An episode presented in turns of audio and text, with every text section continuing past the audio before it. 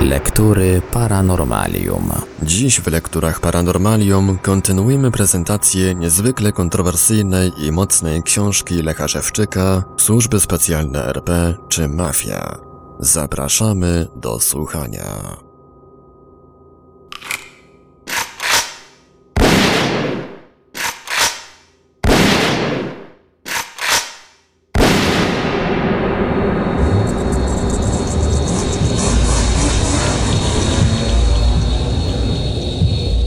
Przed wyjazdem do Wrocławia gorzowscy barbarzyńcy straszyli mnie, że tam na pewno mnie zamordują. Chcieli w ten sposób spowodować, abym jeżdżąc tą aferą od miasta do miasta pominął Wrocław. Wszystko było możliwe, a więc po przyjeździe do Wrocławia starałem się zachować szczególną ostrożność. Zauważyli to obserwujący mnie ludzie, bo któryś zagadnął mnie Niech się pan nie boi. We Wrocławiu jest pan bezpieczny.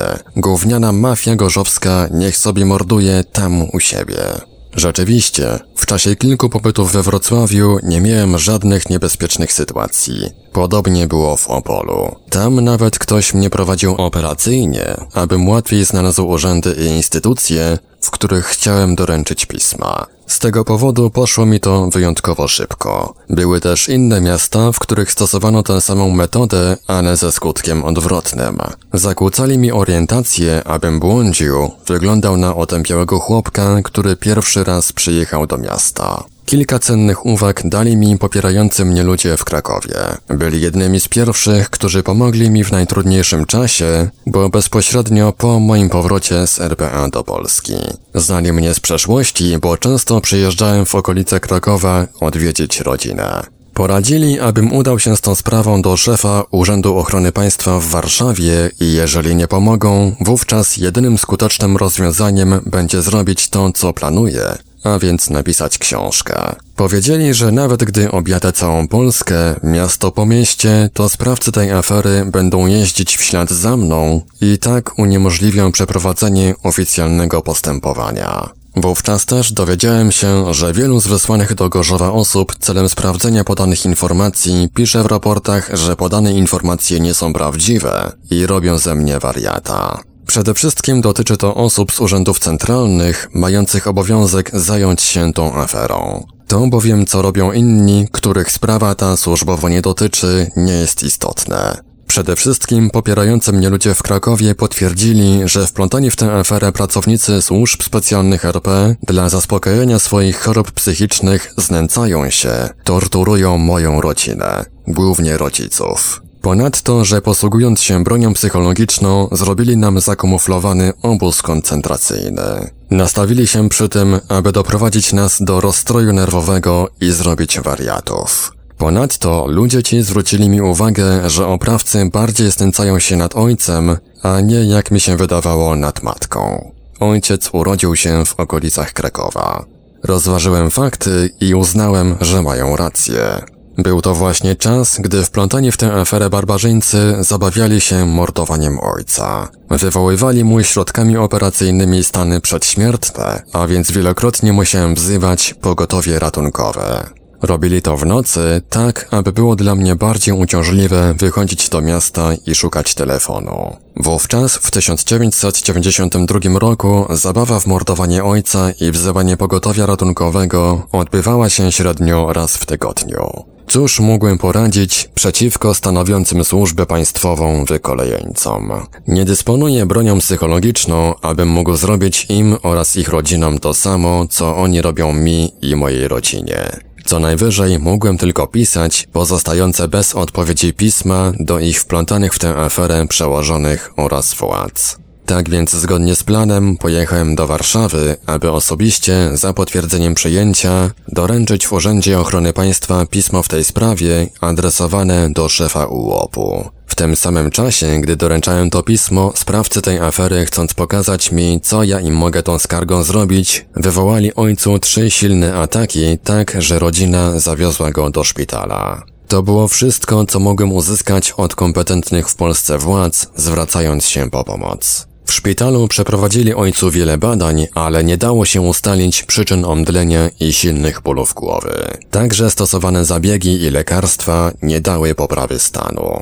Tak jak to właśnie jest przy działaniu bronią psychologiczną. Schorzenie ustąpi lub da się leczyć dopiero, gdy ustąpi barbarzyńca, który je spowodował. Jak mi wiadomo, w Polsce sprawcy takich działań są w pełni bezkarni. Przede wszystkim dlatego, co wiem z własnego doświadczenia, że zwracając się z tą sprawą gdziekolwiek, wszędzie robi się z szukającego pomocy wariata. Ci więc, którzy nie znają się na tym, nie wiedzą, że posługując się bronią psychologiczną można torturować, znęcać się, pozbawiać praw człowieka i mordować ludzi, co właśnie robią wplątani w tę aferę osobnicy. Niech przynajmniej nie wydają opinii na temat takich faktów. Zamiast robić ze mnie wariata, udawać oficerów i urzędników państwowych, niech idą do szkoły uczyć się, aby więcej się nie kompromitowali. Są to przecież zagadnienia, których znajomość na stanowiskach, które zajmują, jest niezbędna. Uprawiający barbarzyństwo na moich rodzicach wykolejeńcy programują ich również przeciwko mnie, aby posługiwać się nimi celem robienia mi również w domu udręki. Tak, abym nie mógł ukryć się przed dokuczliwościami również w domu. Posługiwanie się bronią psychologiczną wobec rodziny, aby wyniszczała się wzajemnie, jest ostatnim stadium barbarzyństwa. Zniżać się do tak plugawych metod potrafią tylko Polacy wyszkoleni w uprawianiu barbarzyństwa na Polakach. Ci, których ta sprawa dotyczy, przekształcili się już w pospolitych oprawców do wynajęcia, ze stopniami oficerów służb specjalnych RP. Może więc ktoś wie i powie mi, gdzie są w Polsce jakieś władze lub instytucje, w których mógłbym się po pomoc z tą sprawą zwrócić, bo ja nie mogę znaleźć. W Krakowie doręczyłem też pisma na temat tej afery w placówkach dyplomatycznych, głównie celem uzyskania asekuracji. Jednakże w konsulacie USA zwróciłem się pisemnie z konkretną sprawą. Mam potwierdzenie przyjęcia tego pisma. Poinformowałem w nim, że obywatele USA popełniają w Polsce przestępstwa, wynajmując w tym celu pracowników UOP i wywiadu RP.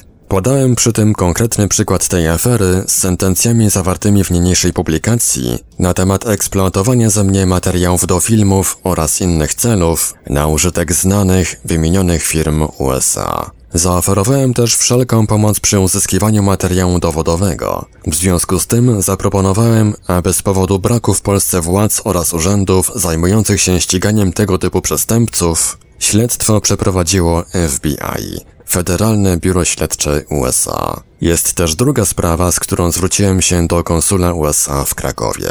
Wiem bowiem, że wielu osobników ze służb specjalnych RP, zaspokajających na mnie i mojej rodzinie swoje choroby psychiczne, jest pracownikami CIA. Są to tacy, którzy nie czuli się na siłach, aby stanowić służbę specjalną suwerennego państwa, a więc zapisanie się do CIA. Najważniejszym ich celem jest łupić rodaków i Polskę. Prosiłem więc pana konsula, aby w związku z tym, że w Polsce nie ma władz, które mogłyby zabronić im posługiwania się bronią psychologiczną i środkami operacyjnymi przy eksploatowaniu, torturowaniu oraz pozbawianiu praw człowieka ludzi, aby przekazał sprawę rezydentowi CIA w Polsce, który być może przynajmniej w moim przypadku będzie mógł to zrobić. Sprawy, z którymi zwróciłem się do konsula USA w Krakowie, pozostały bez odpowiedzi. Nie ustało też uprawienie na mnie i mojej rodzinie barbarzyńskich praktyk. Co najwyżej zmieniają się pomysły lub dochodzą nowe. W czasie bezskutecznego oczekiwania na odpowiedź z konsulatu USA nasunęły mi się pewne domysły, w jaki sposób zagłuszono tę sprawę. Jednakże nie jest konieczne mówić na ten temat głośno. Twierdzę natomiast, że brakiem odpowiedzi uzyskałem potwierdzenie postawionych zarzutów. Gdyby nie były prawdziwe, wówczas konsulat zwróciłby się do policji polskiej i zażądał wyjaśnień. Dlaczego ktoś swobodnie chodzi do wszystkich urzędów, organizacji, placówek dyplomatycznych i rozpowszechnia szkalujące obywateli i firmy USA informacje? Taki jest przecież obowiązek przedstawicielstw dyplomatycznych, aby chronić interesy swoich obywateli i kraju.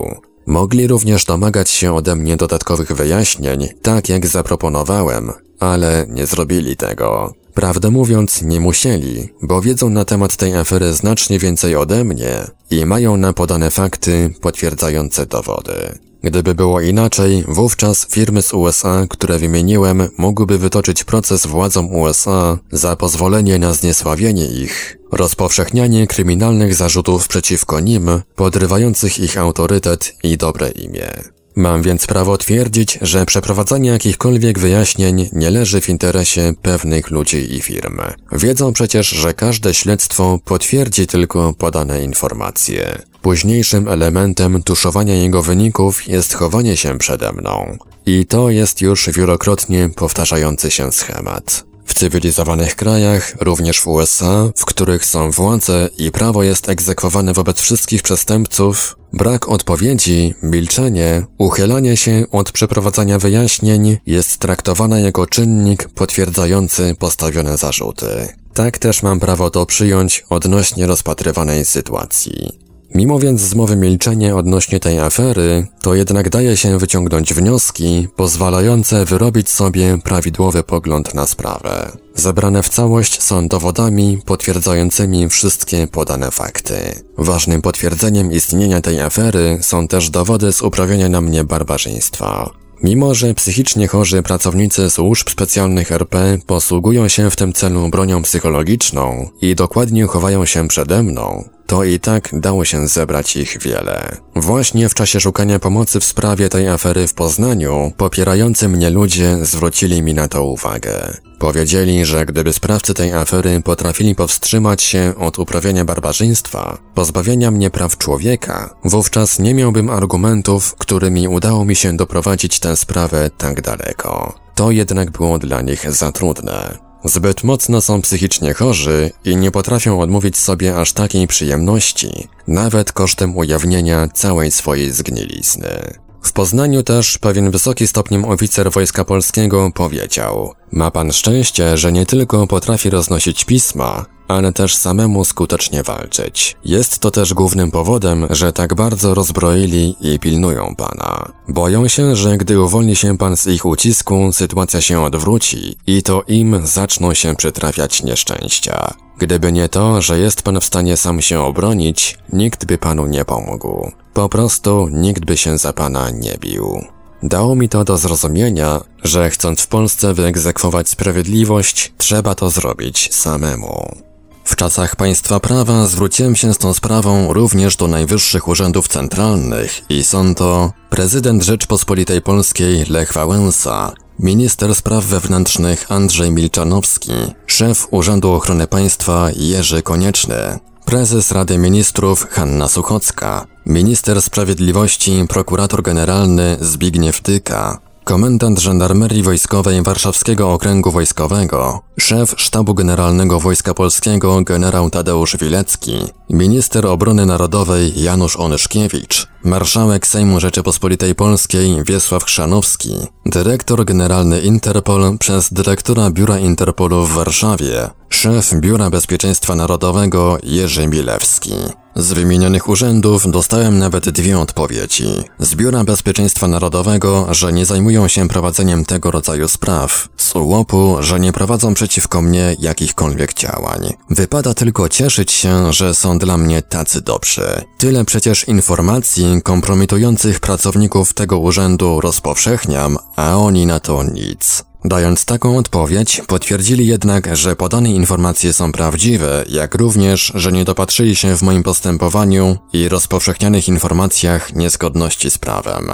W przeciwnym razie byłoby to przestępstwo również polityczne, którym powinien zająć się właśnie UOP. Odpowiedź tę dostałem dopiero, gdy byłem u nich w Warszawie z tą aferą drugi raz. Chciałem, aby przynajmniej zabronili gorzowskim oprawcom, mordercom do wynajęcia, zaspokajać swoje choroby psychiczne na moich rodzicach. Nic nie dało się uzyskać. Dali mi tylko tak sformułowaną odpowiedź, aby przekreśliła dalszą polemikę na ten temat. Chcieli w ten sposób pozbyć się mnie, abym więcej do nich nie chodził. Nic z tego. Tak długo jak będę płacił podatki i przestrzegał prawo, będę szukał władz i domagał się, aby pracownicy mafii państwowej zaprzestali poniżania i pozbawienia praw człowieka mnie i moją rodzinę. Dla psychicznie chorych, którzy nie potrafią opanować swojej skłonności do mordowania, sadyzmu i uprawiania zboczeń, w cywilizowanych krajach są szpitale psychiatryczne, więzienia i butelki. Najbardziej wymyślne było potraktowanie sprawy z kancelarii prezydenta RP. Tam, gdzie zatrudnionych jest wielu ludzi, którzy z racji pełnionych funkcji powinni znać się na sprawach bezpieczeństwa i wiedzieć, jak można łatwo sprawdzić podane informacje, to zwrócili się z tym po pomoc do opieki społecznej. Ku mojemu zdziwieniu, inspektorka tejże instytucji, pani M, poinformowała mnie telefonicznie, że chce pilnie ze mną rozmawiać. Sprawę traktowała bardzo poważnie, pierwszoplanowo, bo to na zlecenie kancelarii prezydenta RP. Przypuszczała, że poskarżyłem się panu prezydentowi na brak opieki ze strony instytucji, którą reprezentuję. Poszedłem więc niezwłocznie z potrzebnym do przedłożenia zaświadczeniem o wysokości zarobków. Wyjaśniłem przy tym, że nigdy nie zwracałem się po pomoc do opieki społecznej i taka pomoc nie jest mi potrzebna. Wytłumaczyłem też pani inspektor, że jest to urządzona intryga, aby mnie ośmieszyć i skompromitować. Jest to typowa, stosowana w Polsce metoda. Chcąc kogoś zniechęcić, aby zaprzestał skarżyć się na ważnych, postawionych ponad prawem urzędników, to trzeba go poniżyć i ośmieszyć, pozorując przy tym, że jest to element prowadzenia postępowania wyjaśniającego. Zwykle to skutkuje i skarżący rezygnuje. Takie same metody stosują wobec zgwałconych kobiet, gdy sprawcami są żyjący ponad prawem osobnicy.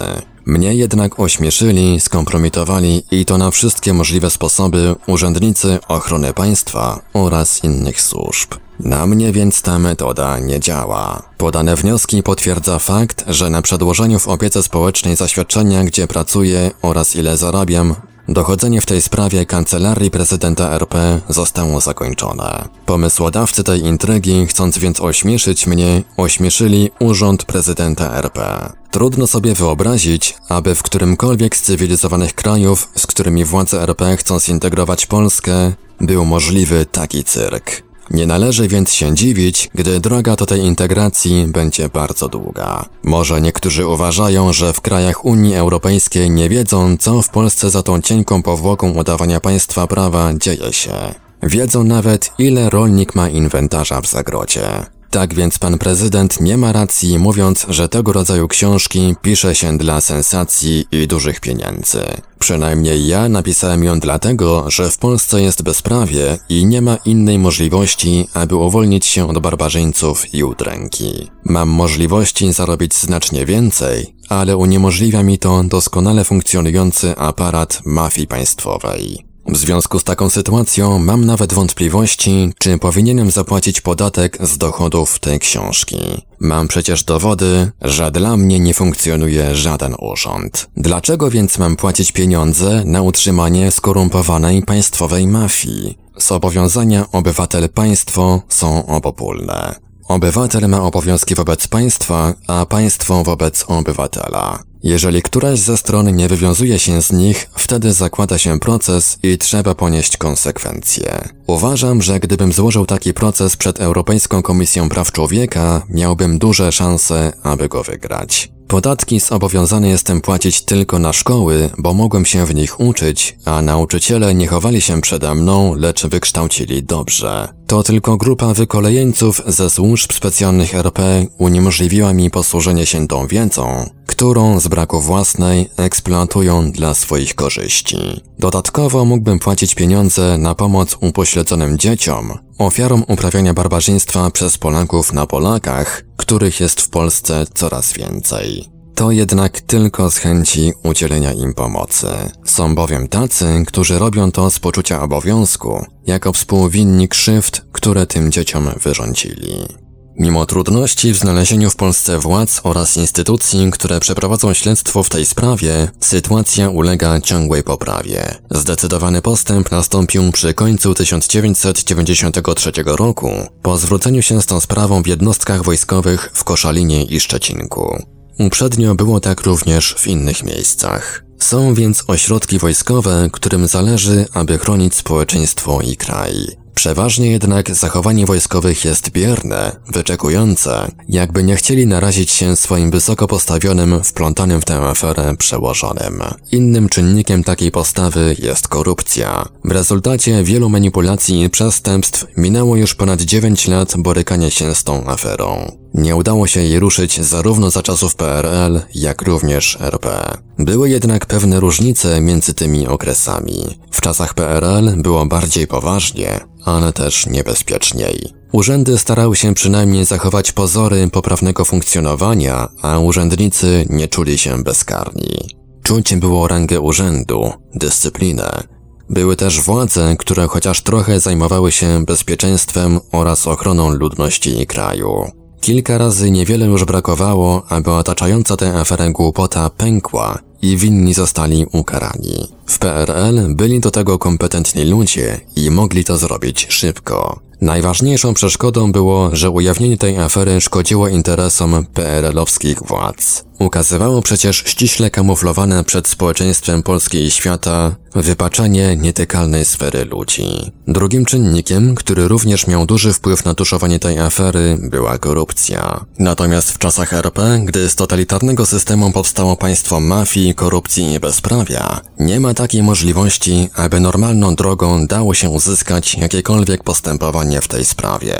Jedynym wyjściem, aby przerwać tę ciemnotę, chowanie się przede mną, jest napisanie niniejszej książki. W czasach PRL sekretarze PZPR mieli rzeczywistą władzę i polecenia ich były respektowane. Na podległym im terenie wystarczająco skutecznie kontrolowali działalność wszystkich urzędów, łącznie ze służbami specjalnymi. Potrafili od ręki na telefon rozwiązać komuś problem. Trzeba jednak zauważyć, że władza ta przede wszystkim służyła systemowi, a więc nie wszystkie elementy jej sprawowania służyły społeczeństwu. Podane więc rozważania należy przyjąć pod kątem skuteczności władz PRL, a nie zachwalania ich zalet. Tak też wykazując pewne pozytywne elementy z czasów PRL, wcale nie staram się kogokolwiek przekonać, że tamten system był dobry i nie należało go zmieniać. Twierdzę jednak, podając przy tym konkretne fakty i porównania, że z nastaniem RP dla uczciwych obywateli wiele zmieniło się na gorsze.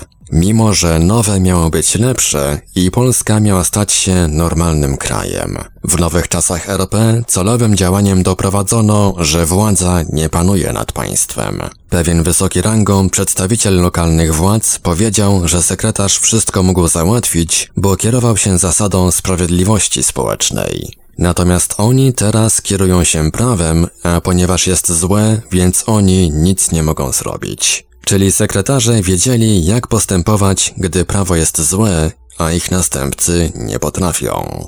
W rzeczywistości problem polega na tym, że w wielu przypadkach obecni urzędnicy państwowi wcale władzy nie sprawują. Są tylko figurantami wystawionymi na zajmowane stanowiska przez służby specjalne spośród ich tajnych współpracowników. Podstawowym ich zajęciem jest zdobywanie łupów, a zadaniem ułatwienie organizowania afer i rozkradania Polski. Za czasów PRL, po zwróceniu się z tą sprawą w którymś z wysokich rangą urzędów, przez kilka dni miałem spokój. Eksploatacja, uprawianie na mnie barbarzyństwa, robienie dokuczliwości i udręki ustawało. Prowadzący te działania, psychicznie chorzy pracownicy głównie wywiadu RP nie byli pewni, czy uda im się przekupić komisję wysłaną celem sprawdzenia podanych informacji, a więc na wszelki wypadek woleli zaprzestać tych praktyk. Wysłani ludzie mogli przecież zauważyć robione mi dokuczliwości, a to natychmiast potwierdziłoby podane informacje. Zawsze jednak dogadywali się, zwłaszcza po zabawach w pornomelinach, i zanim wyjechali, już cały cyrk zaczynał się na nowo. Natomiast za czasów RP w ogóle nie mają respektu przed jakimkolwiek urzędem i nie przestają dręczyć nawet na godzinę. Wiedzą od razu, że wysłani celem sprawdzenia podanych informacji urzędnicy za pojebać i trochę drobnych napiszą w raportach to, co im podyktują. Krótkie zahamowanie tej coraz bardziej postępującej błazenady nastąpiło, gdy premierem został Jan Olszewski. Zgraje wykolejeńców, sprawców tej afery ogarnęła niepewność, że może zakończyć się ich bezkarność. Dało się bowiem zauważyć, że Jan Olszewski nie tylko, że wiedział jak naprawić Polskę, ale też zaczął to robić. Rozumiał, że aby sprawować rządy, musi przejąć kontrolę nad służbami specjalnymi i w pewnym już stopniu mu się to udało. Ukrócił korupcję i afery, a także rozkradanie majątku narodowego pod pozorem prywatyzacji. Są tego konkretne efekty, bo nawet później, gdy przestał być premierem, patologia prywatyzacyjna straciła uprzedni rozmach. Jan Olszewski stał się więc przeszkodą numer jeden w rozkwitającej działalności mafijnej, łupieniu Polski, a więc sprawujący rzeczywistą władzę w Polsce usunęli go. Poczynili też starania, aby w ogóle uniemożliwić mu działalność polityczną. W czasie rozpętanej przez mafię nagonki na Jana Olszewskiego zauważyłem nawet próbę sugerowania, że ma kłopoty z psychiką. W lokalnej gazecie ukazał się artykuł, w którym specjaliści od psychiki poddali analizie zachowanie premiera Jana Olszewskiego, sugerując nieprawidłowości. To są stare, stosowane w Polsce metody. Jeżeli ktoś nie ma kompromitującej teczki, nie ma czym go szantażować, zarzucić mu cokolwiek, to robi się z niego wariata. Takie nastały w Polsce czasy. Jeżeli ktoś jest uczciwy, chce budować zamiast niszczyć i kraść, to jest uznany za nienormalnego. Po usunięciu Jana Olszewskiego ze stanowiska premiera dla zajmujących się prowadzeniem działalności mafijnej pracowników służb specjalnych RP zaczęły się złote czasy, które wciąż niezmiennie trwają. Dotyczy to również sprawców tej afery. Wydaje się możliwe, że gdyby Jan Olszewski utrzymał się na stanowisku premiera, teraz mielibyśmy już zalążki praworządnego państwa. Droga do połączenia z cywilizowanymi krajami Europy byłaby otwarta. W czasach PRL sprawcy tej afery często programowali mnie, abym zwracał się z tą sprawą do organizacji kobiecych. Chcieli mnie w ten sposób ośmieszyć. Później przestali, bo widocznie zauważyli, że bardziej tym ośmieszają instytucje państwowe. Jeżeli bowiem nie ma odważnych mężczyzn w Polsce, w kompetentnych instytucjach, którzy chcieliby przeprowadzić postępowanie przeciwko sprawcom tej afery, to trzeba było szukać poparcia u odważnych kobiet. Taka taktyka okazała się słuszna. W momentach najbardziej kryzysowych, gdy było niebezpiecznie, najodważniej pomogły kobiety, głównie agentki policji. Były też identyczne schematy postępowania z tą aferą w obu okresach. Przede wszystkim uchylenie się od przeprowadzenia postępowania, nieudzielenie odpowiedzi oraz chowanie się przede mną.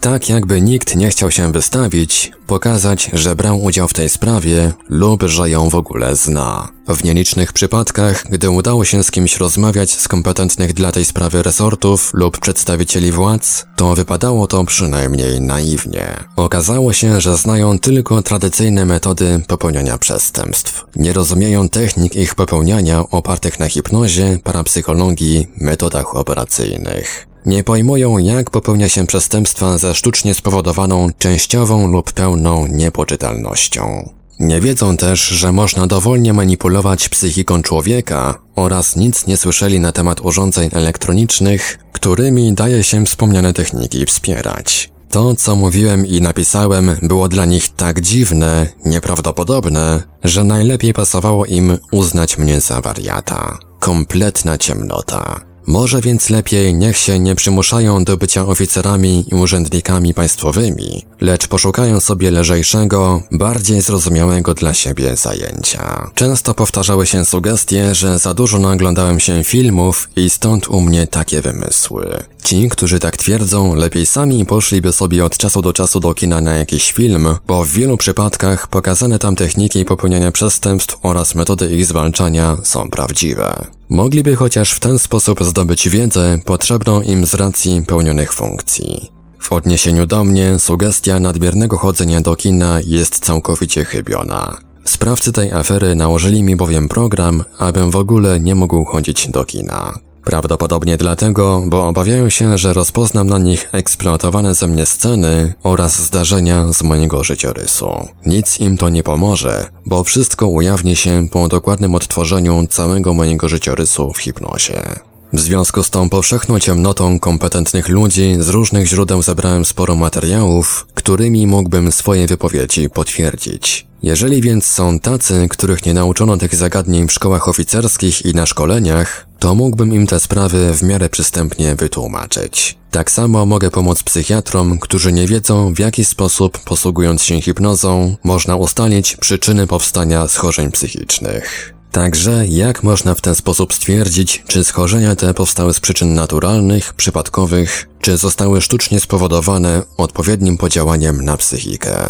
Dotyczy to na przykład psychiatry Aliny, która wystawiła fałszywą opinię sądowo-psychiatryczną, robiąc ze mnie wariata. Twierdziła, że nie wie jak posłużyć się hipnozą, aby stwierdzić, czy wypowiedzi moje są urojeniami, czy zdarzyły się naprawdę. W cywilizowanych krajach posłużenie się hipnozą jest jedną z podstawowych czynności wykonywaną przy prowadzeniu badań psychiatrycznych i potrafi to zrobić każdy psychiatra. Mozolne jeżdżenie od miasta do miasta, chodzenie od urzędu do urzędu w poszukiwaniu władz dało wymierne korzyści. Wprawdzie władz jeszcze nie znalazłem, ale za to ludzi, którzy w różny sposób zainteresowali się tą aferą. Powstało kilka grup. Pierwsza to są sprawcy tej afery oraz ci, którzy później za udział w zagarnianym łupie przyłączyli się do nich, po otrzymaniu ode mnie pism z informacjami na jej temat. Przeważnie są to bez skrupułów, morale i zasad rządni łupów psychopaci, którzy przy ich zdobywaniu nie przebierają w środkach. Zużycie przez tę grupę olbrzymich państwowych środków i pieniędzy podatników celem zatuszowania tej afery nie dało rezultatu. Ich dni są policzone. Drugą grupę stanowią ludzie, którzy pomagają mi uwolnić się od barbarzyńców, mając na uwadze udział w odzyskanych pieniądzach i względy polityczne. Jest to bardzo dobry układ, bo oparty na wzajemnych korzyściach. Ludzie ci chronią mnie, pomagają prowadzić działania, a tym samym realizują swój cel. W skład trzeciej grupy wchodzą ludzie, którzy oprócz korzyści finansowych, które wynikną po przeprowadzeniu pewnych działań, podałem w końcowym rozdziale niniejszej książki, mają też na uwadze utrzymanie minimum sprawiedliwości. Pomagając mi, chcą ukrócić barbarzyńską działalność oraz bezkarność sprawców tej afery, grupy wykolejeńców ze służb specjalnych RP. Chcą, aby oni sami oraz ich dzieci, rodziny i uczciwie pracujący ludzie mogli żyć w swoim kraju bezpiecznie. Czwartą grupę nazywam kibicami. Są to ludzie, którzy nie angażują się w żadnej ze stron. Przyjęli stanowisko wyczekujące, aby przyłączyć się do tych, którzy zwyciężą. Mimo, że nie pomagają, to jednak sama ich obecność, uczestnictwo w tych wydarzeniach przynosi im korzyści. Zbierają bowiem dowody popełnionych przestępstw, co bardzo drażni sprawców tej afery. Trudno bowiem przewidzieć, czy zechcą im te dowody sprzedać, czy może za większe korzyści wynikające z później przeprowadzonych wspomnianych działań użyją je przeciwko nim. Niestety pierwsza grupa jest najsilniejsza z uwagi na zajmowane wysokie stanowiska w państwie, możliwości posługiwania się aparatem państwowym, duże wpływy oraz posiadanie w dyspozycji olbrzymich łupów. Chcąc zmienić ten układ na korzyść normalnych ludzi, którym zależy na kraju, w którym żyją, musiałem napisać niniejszą książkę. Żadne inne sposoby, aby uwolnić się od barbarzyńców, eksploatacji i udręki nie dały rezultatu. Dziennikarze zwrócili mi uwagę, że pisma, które rozpowszechniam, napisane są pod wpływem wzburzenia. Również to zauważam, czując agresję w czasie ich pisania i czytając je po pewnym czasie. Wiadomo, że by kogoś wzburzyć, trzeba zaaplikować mu środki psychotropowe lub zrobić to przy pomocy tzw. Tak technik operacyjnych. Jak już wyjaśniłem, metody te oparte są na hipnozie, parapsychologii, psychotronice, a ich działanie polega na posłużeniu się odpowiednimi energiami oraz urządzeniami elektronicznymi. Pism napisałem wiele i wszystkie wyszły jak napisane pod wpływem wzburzenia. Wniosek więc taki, że dokładnie pilnują mnie i programują, posługując się w tym celu właśnie środkami psychotropowymi i technikami operacyjnymi. Także z powodu otępienia mnie nie udaje mi się zachować poprawnej formy, szyku wyrazów, składni i stylu pisma. Często sami, używając wspomnianych technik, sugerują mi, co mam napisać, które sprawy ujawniać, przy czym szczególnie dotyczy to tych, które brzmią niewiarygodnie. Podane jednak fakty są prawdziwe. Postępują tak dlatego, aby ci, którzy nie znają się na zakulisowej działalności służb specjalnych RP, zlekceważyli podane informacje, uznali mnie za wariata. Natomiast z drugiej strony chcieliby, aby ich przełożeni w obawie, że zbyt dużo ujawnię, pozwolili im mnie zamordować. Do manipulacji tych przełączają się też inni, którzy wysługują się mną tylko celem załatwienia swoich prywatnych interesów, jak również dla wymuszenia haraczy od sprawców tej afery. Często więc jest tak, że ujawnianie niektórych z podanych informacji nie służy celowi, do którego zmierzam. Przynosi skutek odwrotny i jest ze szkodą dla mnie i sprawy. Może więc ktoś wie, gdzie są w Polsce jakieś władze, które potrafią spowodować, że nikt nie będzie mną dla własnych korzyści manipulował, tak abym mógł posługiwać się swoim umysłem zgodnie z własną wolą. Jeżeli ktokolwiek wie, gdzie można znaleźć w Polsce takie władze, to chętnie skorzystam z jego pomocy i rady. Z końcem 1993 roku, po wyborach do Sejmu RP, władza dostała się ludziom o innej orientacji politycznej. Zdesperowane bezprawiem, korupcją, aferami, złodziejstwem, staczaniem się w nędzę społeczeństwo postawiło na lewicę. Czy po tej zmianie będzie w Polsce lepiej, czy może jeszcze gorzej, dowiemy się, gdy nowa administracja nabierze pełnej zdolności sprawowania władzy. Prawdą jest, że ta orientacja polityczna ma doświadczenie i wie, jak trzeba rządzić państwem. Potrafi też doprowadzić do przestrzegania prawa. Problem tylko w tym, czy władza ta zechce pod nową postacią walczyć o ten kraj i dać uczciwej części społeczeństwa przynajmniej taki standard życia, jak miało za czasów PRL. Może bowiem być i tak, że pójdzie tą samą drogą co poprzednia, opozycyjna do niej administracja. Wtedy różnica będzie tylko taka, że strumień wpływów zmieni kierunek i nie w prawą jak dotychczas, lecz popłynie w lewą stronę. Natomiast w związku z tą aferą wydaje się prawdopodobne, że po tej zmianie jest większa szansa, aby odzyskać wyeksploatowane ze mnie łupy i ukarać sprawców popełnionych zbrodni. Ugrupowania lewicowe jako jedyne w kampanii wyborczej do Sejmu zwróciły uwagę, że trzeba przejąć kontrolę nad służbami specjalnymi. Wiedzą przecież, że jest to warunek konieczny, aby sprawować władzę. Sugerowali przy tym konieczność utworzenia komisji parlamentarnej nadzoru tych służb. Trzeba jednak zauważyć, że jedna komisja nie wystarczy, aby skutecznie kontrolować te służby. Takie komisje powinny powstać również w samorządach lokalnych. Za czasów PRL sekretarze oraz odpowiednie wydziały PZPR kontrolowały wszystkie urzędy na podległym terenie, łącznie z policją, służbami specjalnymi, wojskiem, prokuraturą i sądami. Możliwość ta powodowała, że sekretarz był rzeczywistą władzą. Teraz funkcje takie, bez wprowadzenia aspektów politycznych, powinni przejąć burmistrzowie, prezydenci miast oraz komisje samorządów lokalnych. Tak jest właśnie w cywilizowanych krajach, które dzięki temu funkcjonują normalnie. Wiadomo przecież, że każdy urząd pozbawiony kontroli społecznej skorumpuje się i przekształci w mafię. Rozdział szósty. Służby specjalne, a władza. Każda partia polityczna, organizacja społeczna, zawodowa, a nawet mała, zorganizowana grupa ludzi musi mieć ochronę służb specjalnych. W przeciwnym razie natychmiast przejmie nad nimi kontrolę obcy wywiad lub mafia. Wówczas to, dobrze już opracowanymi w świecie metodami, będą manipulować przejętymi organizacjami tak, aby działały zgodnie z ich interesami.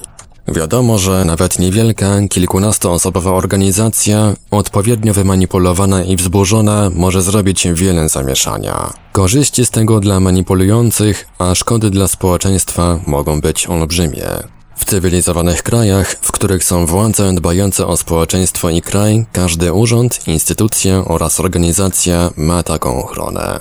Ponadto duże w takich krajach organizacje, np. partie polityczne, mają zwykle swój wewnętrzny system bezpieczeństwa. Zajmują się tym związani z tą partią profesjonaliści z tej branży. Korzyść z tego jest taka, że unikają przez to manipulacji, których mogliby dokonywać np. rządzący, dysponujący na czas pełnienia władzy państwowym aparatem bezpieczeństwa. Inne, mniejsze organizacje, których nie stać na zatrudnienie profesjonalistów od bezpieczeństwa, korzystają z oficjalnych środków ochrony. Jest to zgodne z interesem państwa, aby tę organizację chronić. Koszty ich ochrony są bowiem znacznie mniejsze niż gdyby miały stać się narzędziem w rękach obcych wywiadów lub mafii. Jednym ze sposobów ochrony takich organizacji jest wprowadzenie do nich agentów bezpieczeństwa. Zadaniem ich jest czuwać, aby nie było wpływów zewnętrznych wypaczających zadeklarowaną statutem działalność. Czyli jeżeli organizacja zamierza być charytatywna, bo ma pomagać ludziom, a nie na przykład stanowić bazę dla agentów obcych wywiadów lub uczestniczyć w przemycaniu przez mafię towaru.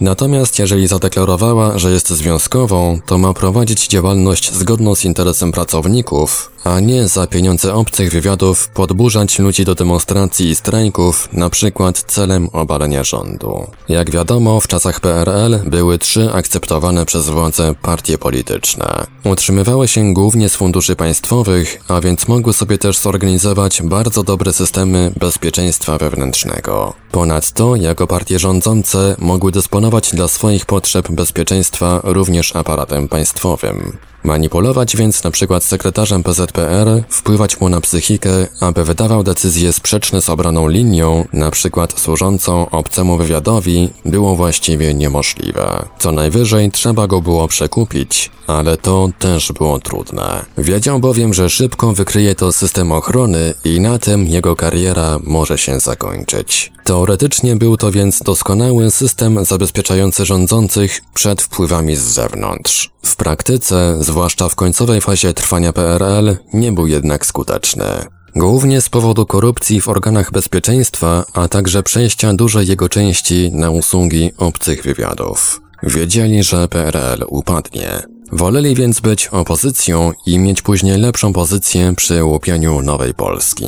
Szybko też z rządzy zdobywania łupów i wdzięczności dla tych, którzy pomogli im zdobywać władzę, zrobili z naszego kraju państwo mafii, korupcji i bezprawia. Spowodowali, że zatraciła się historyczna szansa zrobienia z Polski silnego, bogatego i suwerennego państwa. Zrobili z Polski wielką przegraną. Państwo oficjalnie prosperujących sprzedawczyków i złodziei, bezkarnie żerujących na społeczeństwie. Teraz trudno jest już powiedzieć, ile lat będzie trzeba, aby zrobić z Polski normalny, cywilizowany kraj.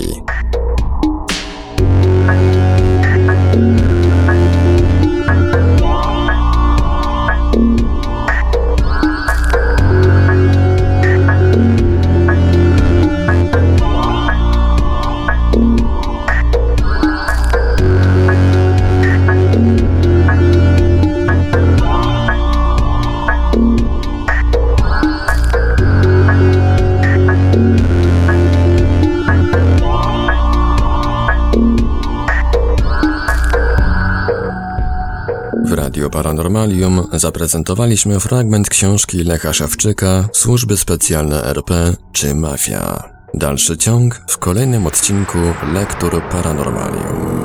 Archiwalne odcinki Lektur Paranormalium znajdziesz do pobrania w archiwum naszego radia na stronie www.paranormalium.pl.